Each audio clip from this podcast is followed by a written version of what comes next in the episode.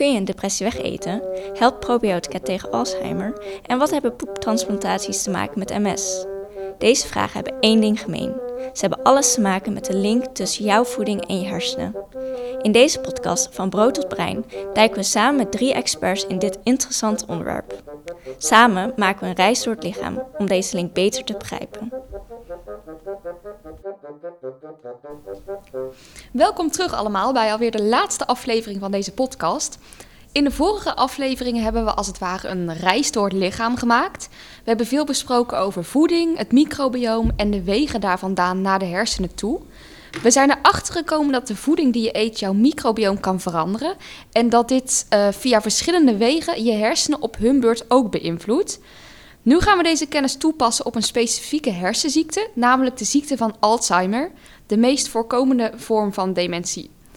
Wat kan onze voeding betekenen voor deze nu nog ongeneeslijke en toch erg vaak voorkomende hersenziekte? Om daar meer over te weten te komen, gaan we praten met universitair hoofddocent van de Wageningen Universiteit, Ondine van der Rest. Hoi Ondine, leuk dat u er bent. Uh, we zijn heel erg benieuwd naar uw inzichten. Maar eerst, zou u iets over uzelf kunnen vertellen? Ja, zeker. Dat kan ik wel. Dankjewel voor de uitnodiging. Uh, leuk om iets over mijn onderzoeksgebied te vertellen natuurlijk. Uh, mijn achtergrond is uh, dat ik voeding en gezondheid heb gestudeerd in Wageningen. Dus echt een voedingsachtergrond. En het is niet altijd logisch om dan richting ja, dementie, ziekte van Alzheimer te gaan. Maar bij mij liep dat wel zo, omdat we toch ook wel onderzoeken naar doen. Met name als we ouderen uitnodigen uh, en ook cognitieve achteruitgang meten. En nou ja, zo liep dat bij mij inderdaad. Ik uh, was onderzoeksassistent op een onderzoek, heel veel metingen doen, gegevens verzamelen. Vond ik heel leuk om te doen. Daarna dacht ik, ja, leuk onderzoek. Ik wil ook mijn eigen onderzoek hebben. En toen kwam er een uh, promotieonderzoek voorbij, zoals dat heet. En toen ben ik echt in dit onderwerp hersenen gedoken. En ja, door de jaren heen wel redelijk veel geleerd, denk ik, over hoe dat en, werkt. En, en, waarom de hersenen? Wat, wat, is daar zo interessant aan? Ja, ik moet zeggen, ik had dat ook niet mijn hele leven of mijn hele studietijd al bedacht, dat ik daarna zou gaan kijken. Maar dat komt dan op je pad. En dan, uh, ik vind het wel, ik vind het nog, vond het toen en ook nog steeds heel interessant, omdat het heel maatschappelijk relevant is. Uh, zoals je zelf al zei, het, ja, dementie is heel veel voorkomend. En mensen hebben ook wel echt een grote angst ervoor. Ik heb zelf het idee als ik met ouderen spreek dat het nog wel een grotere angst is dan fysieke achteruitgang. Dus daarom, ja, je kan het heel makkelijk uitleggen aan mensen wat je doet. Ze snappen het snel en het voelt ook echt wel relevant om daar nou iets aan bij te dragen. En daarom uh, vandaar eigenlijk. Daarom vind je het ook zo belangrijk dat er onderzoek naar gedaan wordt. Ja, ja, precies. En ook omdat het zo, het is al groot en het gaat nog heel veel groeien in de komende jaren. Dus daar moet wel iets, uh, iets aan gedaan worden. Ja. En leuk dat u zich ermee bezighoudt. Maar voor we er dieper op ingaan, zou u kort kunnen uitleggen wat termen als dementie en Alzheimer betekenen en wat ze, hoe ze verschillen van elkaar? Uh, ja, dat, uh, dat kan ik wel. Ze worden vaak inderdaad door elkaar heen gebruikt. En ja, dat klopt niet altijd. Dementie is eigenlijk, we zeggen vaak een soort paraplu-term voor meerdere hersenziekten samen. Dus allerlei ziekten waar er iets gebeurt met de cellen in de hersenen en uh, ja, waardoor de hersenen slechter worden. Uh, Alzheimer is daar een vorm van, de meest voorkomende weliswaar. Dus in heel veel ja. gevallen, als je het door elkaar heen gebruikt, zit je toevallig ook goed. Maar dat, uh, dat hoeft natuurlijk niet. En bij de ziekte van Alzheimer ja, gebeuren een aantal specifieke dingen in de hersenen. ja, er zijn eigenlijk bepaalde ophopingen van eiwitten, zowel tussen de cellen als in de cellen. Nou ja, tussen de cellen, uh, ja, de cellen communiceren met elkaar via een soort van wegen in de hersenen. Nou ja, ja. als daar allemaal eiwitkluwers op zitten, kun je je denk ik voorstellen dat die communicatie niet meer zo goed verloopt. En bijvoorbeeld krijg je dan geheugenklachten. Kunnen we ook zeggen dat die eiwittenophoping dan de oorzaak is van Alzheimer? Dat is nog de vraag. Het, het is een beetje kip-ei verhaal. En eigenlijk is er Ondanks dat het al best lang bekend is, de ziekte van Alzheimer is in begin 1900 ontdekt. Uh, maar nog steeds zijn heel veel dingen onduidelijk. Van wat is er nou eerst? En je ziet ook rare dingen. Soms uh, als uh, mensen overlijdens gaan in de hersenen kijken, hebben mensen heel veel van die eiwitkluwers die daar niet horen te zitten. Geen klachten. Maar ook andersom komt het voor. En dat maakt het zo gecompliceerd. En denk ik ook een reden waarom er nog steeds geen medicijn is. Ja, dus eigenlijk weten we nog niet zo goed hoe het allemaal werkt. Nee, Nee, er moet nog heel veel. Uh, heel Weten veel we wel al wat over bijvoorbeeld de oorzaken? Uh, Als weet levensstijl of. Daar weten we zeker al wat van. En levensstijl is inderdaad een van de oorzaken.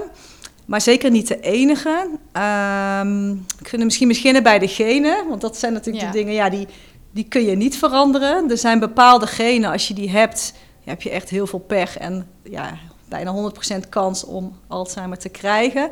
Er zijn ook genen die de kans verhogen maar niet zekerheid geven. Maar het is ook bekend dat ook al heb je die genen, dat is vrij recent uitgekomen in een onderzoek, dat zelfs dan je met leefstijl toch de, het risico kunt verminderen. Hè, dus, dus, los van die genen is ook leefstijl uh, super belangrijk. Net als voor andere ziektes. Hart- en vaatziekte, kanker is wellicht al meer over bekend. Maar, ja. Uh, ja. En weten we ook wat die genen doen? Waarom het specifiek die genen zijn? Uh, ja, vaak veroorzaken die, ja, nou ja, eh, foutjes, hoe noem je dat? Foutjes in het. Uh, ja. ja, van ieder gen wordt iedere keer weer opnieuw een kopie gemaakt. En als dat niet goed gaat, dan uh, vinden de processen plaats die niet horen bij gezonde hersenen, maar ja, ziekteprocessen veroorzaken die we niet, die we niet willen hebben. Ja. Simpel gezegd, ja. en ja, heeft, hebben bijvoorbeeld sociale factoren, kunnen die er ook iets mee te maken hebben? Ja, eigenlijk zijn er heel veel leefstijlfactoren. Ik heb zelf natuurlijk het meeste gekeken naar, naar voeding, gezien mijn achtergrond. Maar alleen, voeding is belangrijk, maar alleen voeding doet het hem ook niet. Dus naast voeding uh, uh, fysiek functioneren, uh, cognitief actief blijven, dus je hersenen blijven gebruiken. En daar horen ook sociale interacties bij met mensen, omdat dat ook een bepaalde manier is van nou, de hersenen uitdagen en dat soort dingen doen. Dat kan nu natuurlijk wel een probleem zijn, vooral in de eerste lockdown. Ja. Dat de mensen in de verpleeghuizen geen bezoek mochten ontvangen. Ja, klopt. Ik, terwijl ik het aan het vertellen was, ging het meteen door mijn hoofd van... oh ja, ook hier komt uh, de, de corona weer om de hoek kijken. Ik, ik ben heel bang dat we daar wel invloed van gaan zien, ja. Maar dat, dat weten we eigenlijk nog niet. We zien wel de korte termijn invloed, hè, want mensen wel zeggen, ja, hè, ze zijn minder happy, ze zijn eenzaam. Maar dat zijn niet alleen de ouderen. Eigenlijk denk ik dat dat voor bijna alle groepen wel, uh, wel geldt. Ja. En dat gaan we zien, maar zeker een zorg, ja. Ja, ja. dat is te begrijpen, ja. ja. En even terug naar die uh, medicijnen, want medicijnen zijn er eigenlijk nog niet. Maar ja, zijn er wel aanwijzingen naar stoffen die eventueel wat kunnen doen om Alzheimer te ja, genezen of te remmen? Ja, nou er zijn, er zijn wel een paar medicijnen, maar niet die het genezen. Alleen maar die de symptomen soms een beetje minder maken. Nou ja, dat, dat is ook fijn, maar, maar niet voldoende. En ja, dat, er is heel veel onderzoek lopend.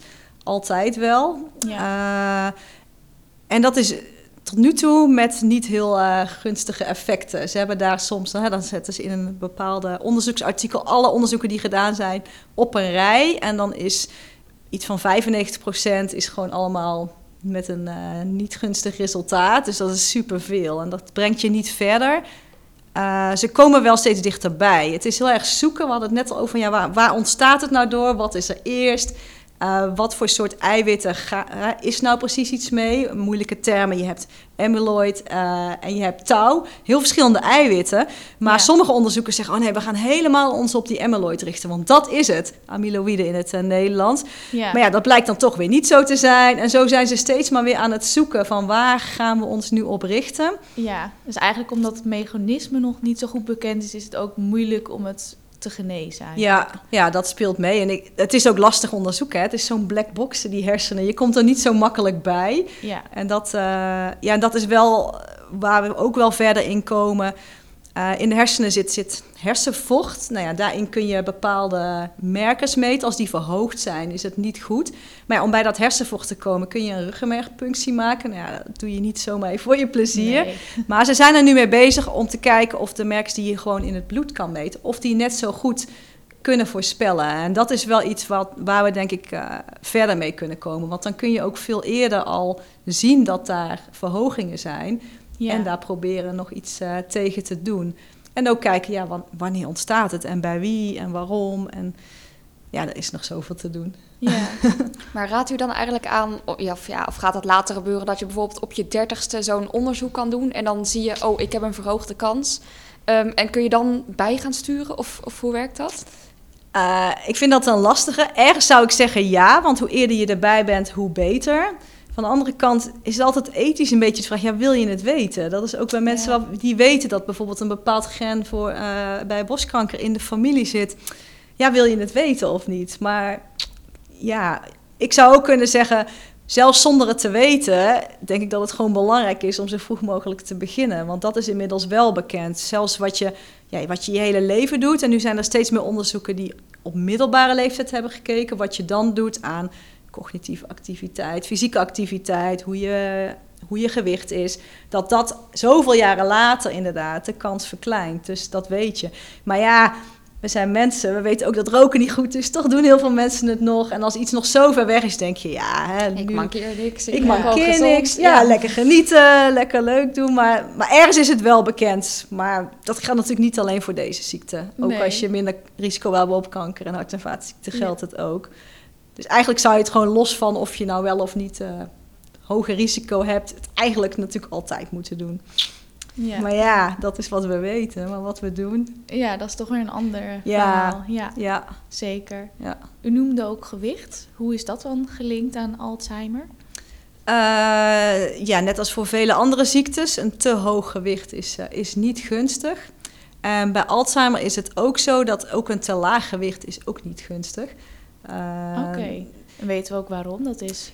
Van dat stukje niet precies, maar wat ik zelf vermoed, ja, je hebt vaak niet een, voor niets een te laag gewicht. Dus dat zou kunnen komen door nou ja, bepaalde onderliggende ziektes die je hebt, of gewoon niet goed eten, waardoor je niet voldoende voedingsstoffen binnenkrijgt. En Ja. daardoor, en bij overgewicht soms de verkeerde dingen eten, maar ook doordat het, ja, het, het eh, vet wat te veel in het lichaam is opgeslagen, ook bepaalde stofjes uitscheidt die dan weer invloed hebben op eh, ziekteprocessen. Dus Ja. het kan meerdere kanten op werken. Maar je ziet echt zo'n bepaalde curve. Dat hè, een gezond gewicht zo in het midden is goed. En te hoog en te laag eh, ja, niet. zeker waar. De vorige aflevering ook veel gehoord over ontsteking en low-grade ontsteking. Oh ja. Bij overgewicht zou dat er ook het mee te maken kunnen hebben? Ja, dat heeft er zeker ook wel mee te maken. Bij dat soort ziekten krijg je inderdaad meer ontstekingen in je lichaam.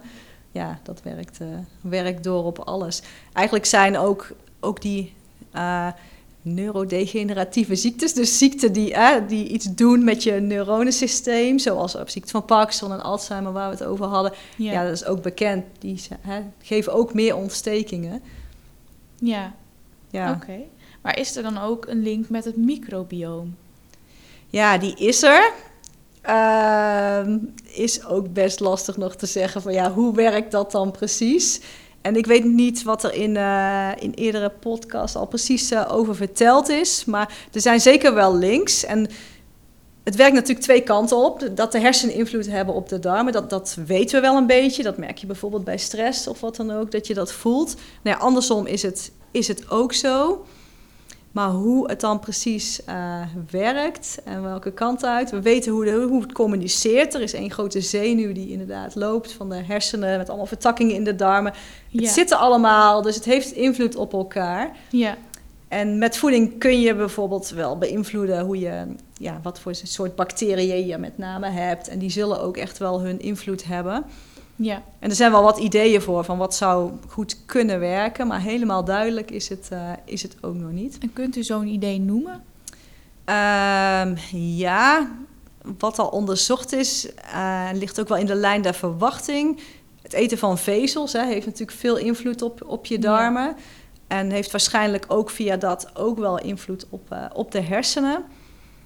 Ehm, ja, het type dieet wat je hebt, veel plantaardig eten. En dan als je dat vergelijkt met veel vlees eten, rood vlees of Ja. vooral bewerkt vlees, zie je ook wel dat je dat heel ja, vrij snel terug kunt zien in de microbiota.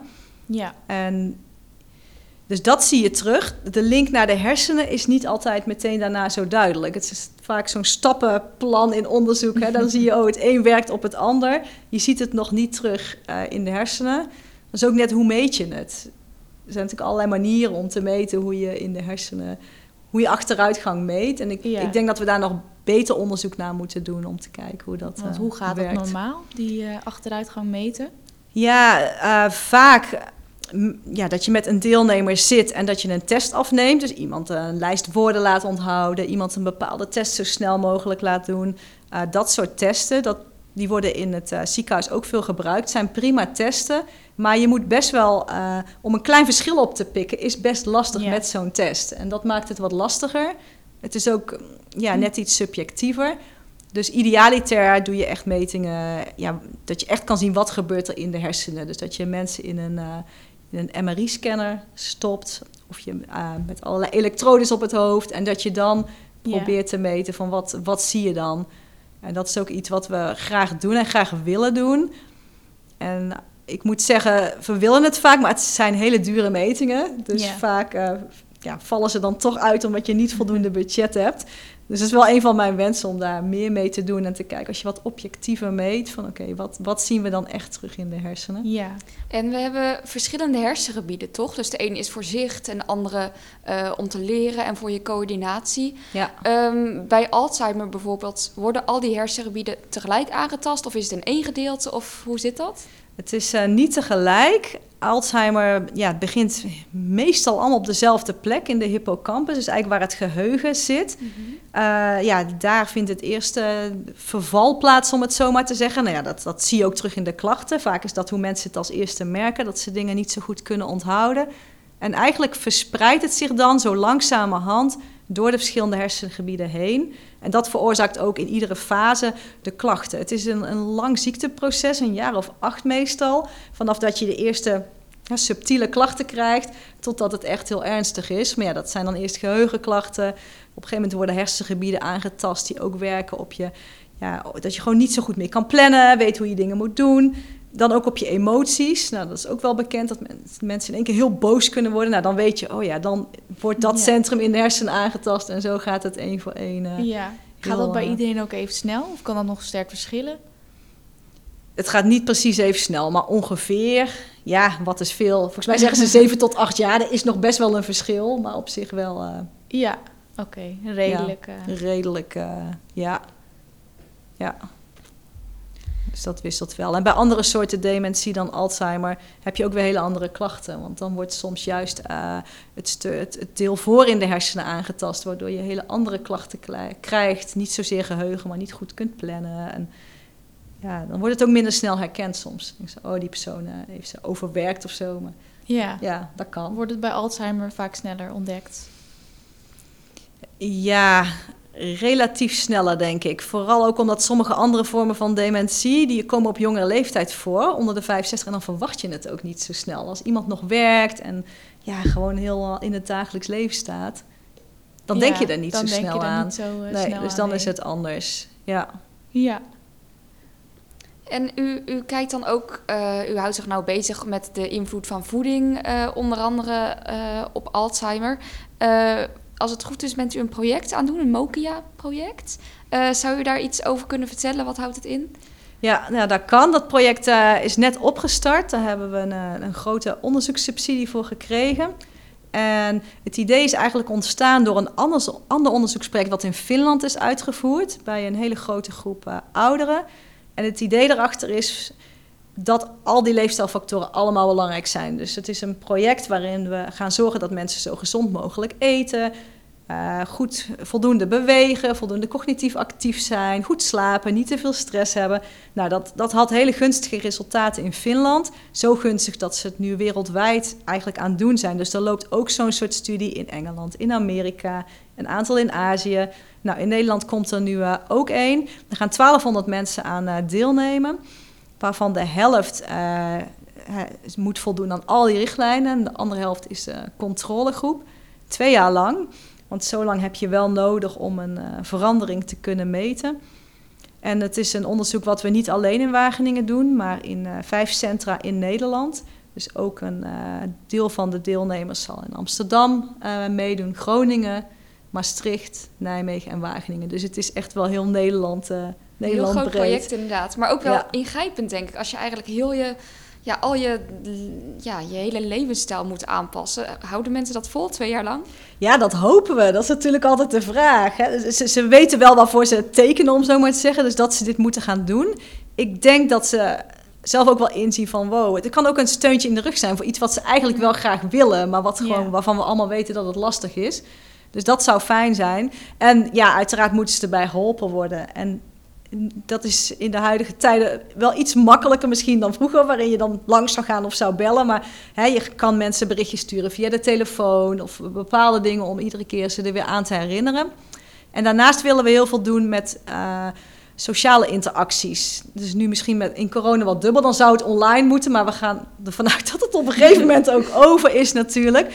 En dat je ze, we laten ze in groepjes starten, dat ze ook steeds met datzelfde groepje van 10 tot 15 uh, eh, deelnemers samenkomen. En dat je elkaar ook heel goed kan motiveren. Want dat sociale stuk is ook uit onderzoeken in andere landen gebleken, is echt heel belangrijk. Dat kan ik me ook voorstellen. Dat Zeker. uh, dus ja. daar gaan we gebruik van maken, ja. En u noemde uit die studie in Finland, was het geloof ik, al positieve resultaten. En wat kunnen we daar dan onder verstaan? Uh, ja, de mensen die zich daar uh, aan al die richtlijnen hielden, daar zagen ze inderdaad dat die over twee jaar minder achteruit gingen met hun geheugen. Dat ze zich nog beter konden concentreren, dat ze bepaalde testen sneller konden maken. Dus dat soort dingen. Dus eigenlijk echt al die functies die je typisch onder hersenfuncties schaart, die, uh, die bleven beter behouden. Ja, dat was echt een groot verschil ook. Er was ook echt wel een groot verschil. Ja, daarom was er ook uh, was er toen enorm veel aandacht voor. Want ja, soms zijn, vind je wel verschillen, maar zijn ze klein. En dit was wel, uh, ja, was heel, ja, baanbrekend om het zo maar even te noemen. Ja, toch wel. En wat hoopt u, hoe hopen jullie met deze studie te kunnen bereiken? Ja, we hopen natuurlijk dat we ook een heel gunstig eh, effect gaan vinden. Dan weten we ook wat daar werkt, dat dat ook in de Nederlandse populatie werkt. Want een Finse populatie is heel uh, anders. En nou ja, we hebben de interventie wat verder uh, geoptimaliseerd, zoals we dat noemen. Dus we hebben net als slaap en stressen toegevoegd, dus extra okay. factoren. En qua voeding was daar de richtlijn dat ze zich moest houden aan de Finse richtlijn. Nou, die zijn niet helemaal gelijk aan de Nederlandse. Dus wij, uh, wij pakken de Nederlandse en daarnaast leggen we heel veel nadruk op voedingsmiddelen waarbij uit onderzoek is gebleken dat die specifiek voor de hersenen goed zijn. Want de normale richtlijnen zijn voor heel veel, ja, hè, om zo gezond mogelijk te blijven, ziektes in het algemeen te voorkomen. Ja. Maar specifiek voor de hersenen zijn er wel wat extra dingen bekend. En om twee voorbeelden te noemen, uh, ja, hè, je moet gewoon voldoende groente eten, 200 gram per dag. En dan met name die bijvoorbeeld groene bladgroenten schijnt dan voor de hersenen weer belangrijk te zijn. Dus dat wordt er dan extra benadrukt. Hetzelfde voor fruit. Fruit eten, hè, gezond, twee stukjes fruit. Maar met name bessen, daar zitten... Uh, ja, bessen hebben hele felle kleuren ook. Die zijn natuurlijk, uh, vooral blauwe bessen zijn heel fel blauw. Daar zitten bepaalde stofjes in, flavonoïden met een ingewikkeld woord. Maar die stofjes schijnen met name voor de hersenen goed te zijn. Dus we zetten ze ook allemaal aan een dagelijkse portie uh, en weten we alleen dat ze goed zijn of weten we ook waarom ze goed zijn?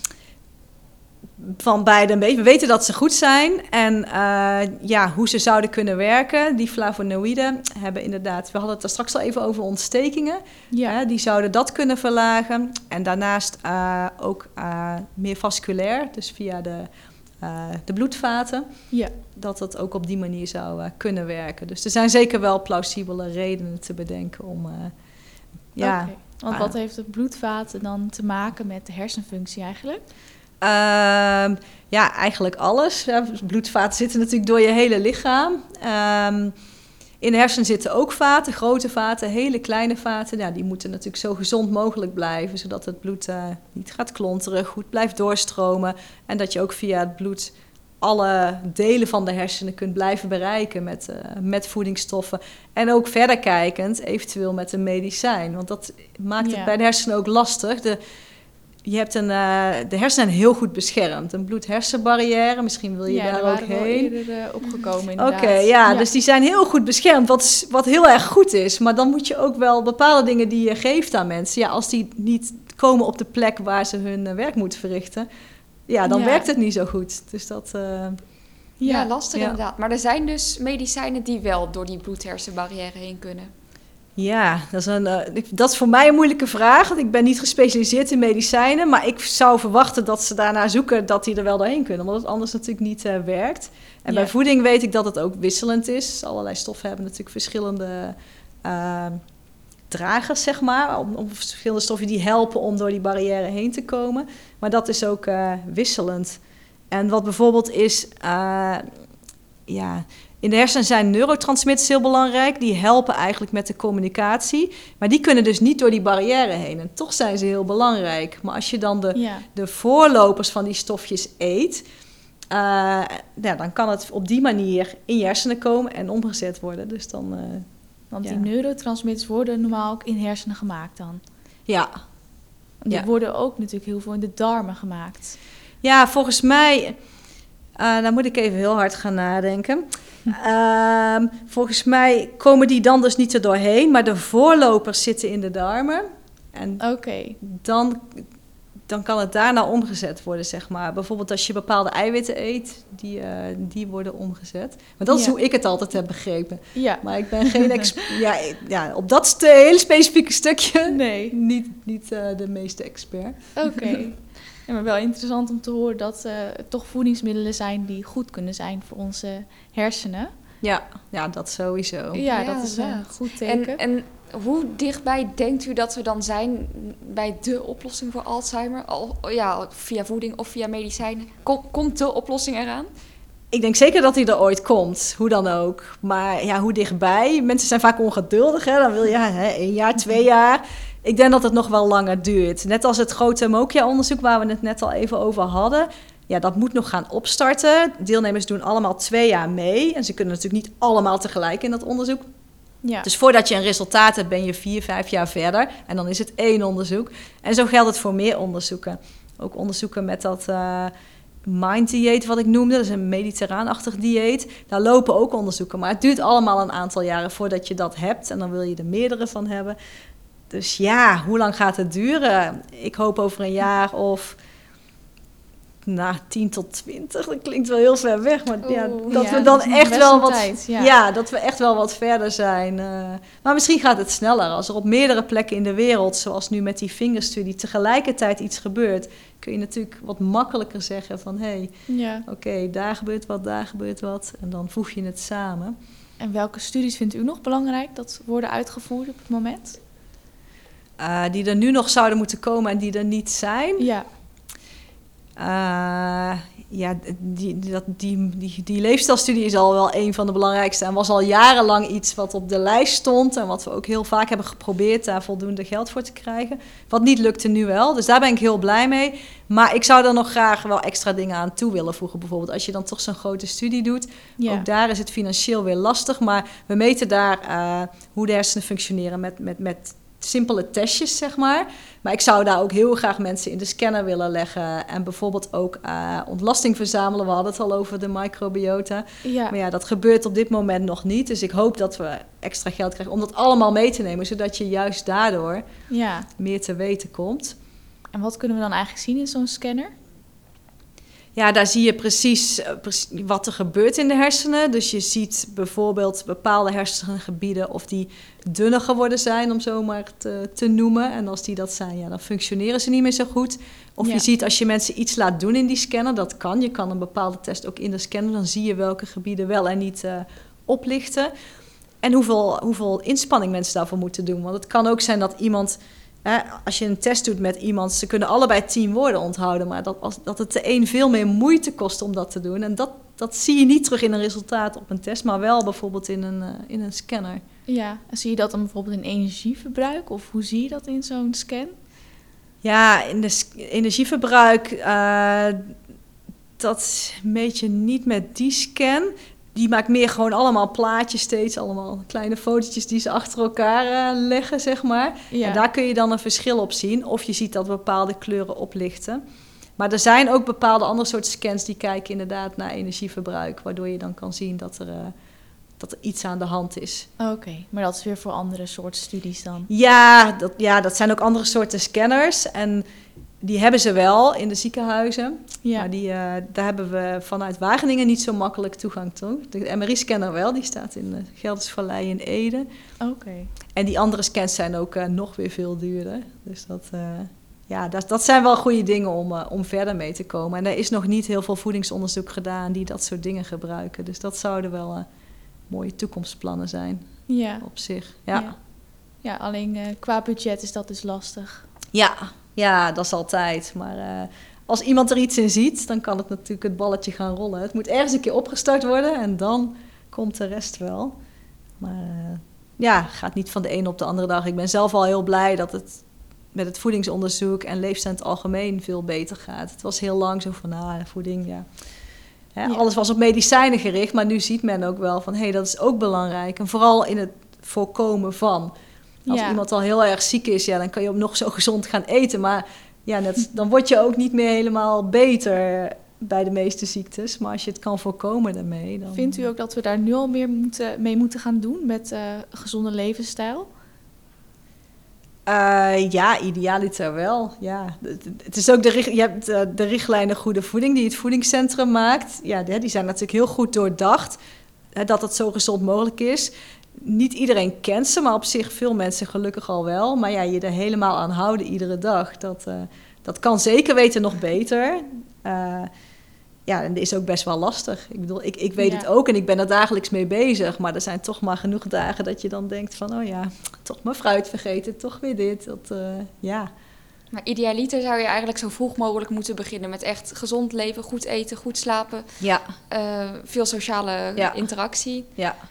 Ja, zo vroeg mogelijk. En dat, want dat is ook wel bekend. Voordat je echt klachten gaat merken uh, zoveel jaren daarvoor vinden al veranderingen plaats in je lichaam en in de hersenen. Dus rond je 30ste, 40ste vinden al die veranderingen plaats. Nou ja, daar merk je niks van. Maar als je echt inderdaad bloed af zou nemen of zou kijken in de hersenen, zie je dat al wel.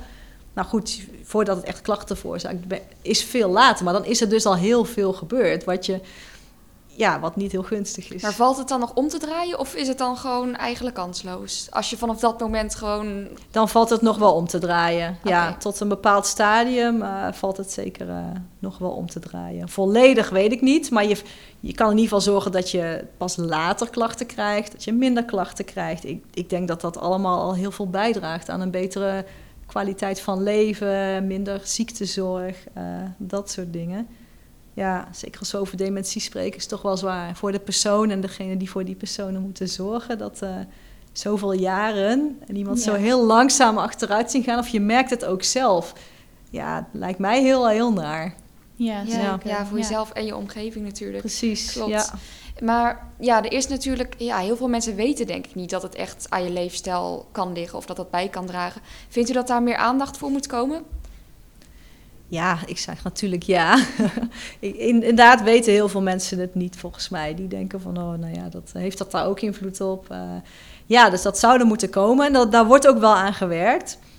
Uh, in ieder geval, ja, in Nederland heb je Alzheimer Nederland en de Hersenstichting. Die zorgen er steeds voor dat dat soort dingen ook, ja, ook bij het publiek gebracht worden. En ook bepaalde onderzoeksgroepen zijn daar heel hard mee bezig. Er zijn een aantal apps op de markt uh, momenteel, waar mensen ja, via die apps, waar je steeds tips krijgt om uh, van nou, hè, zo zou je het moeten doen. Momenteel is iedereen heel actief met een app, uh, Ommetje. Ik weet niet of jullie die ook kennen.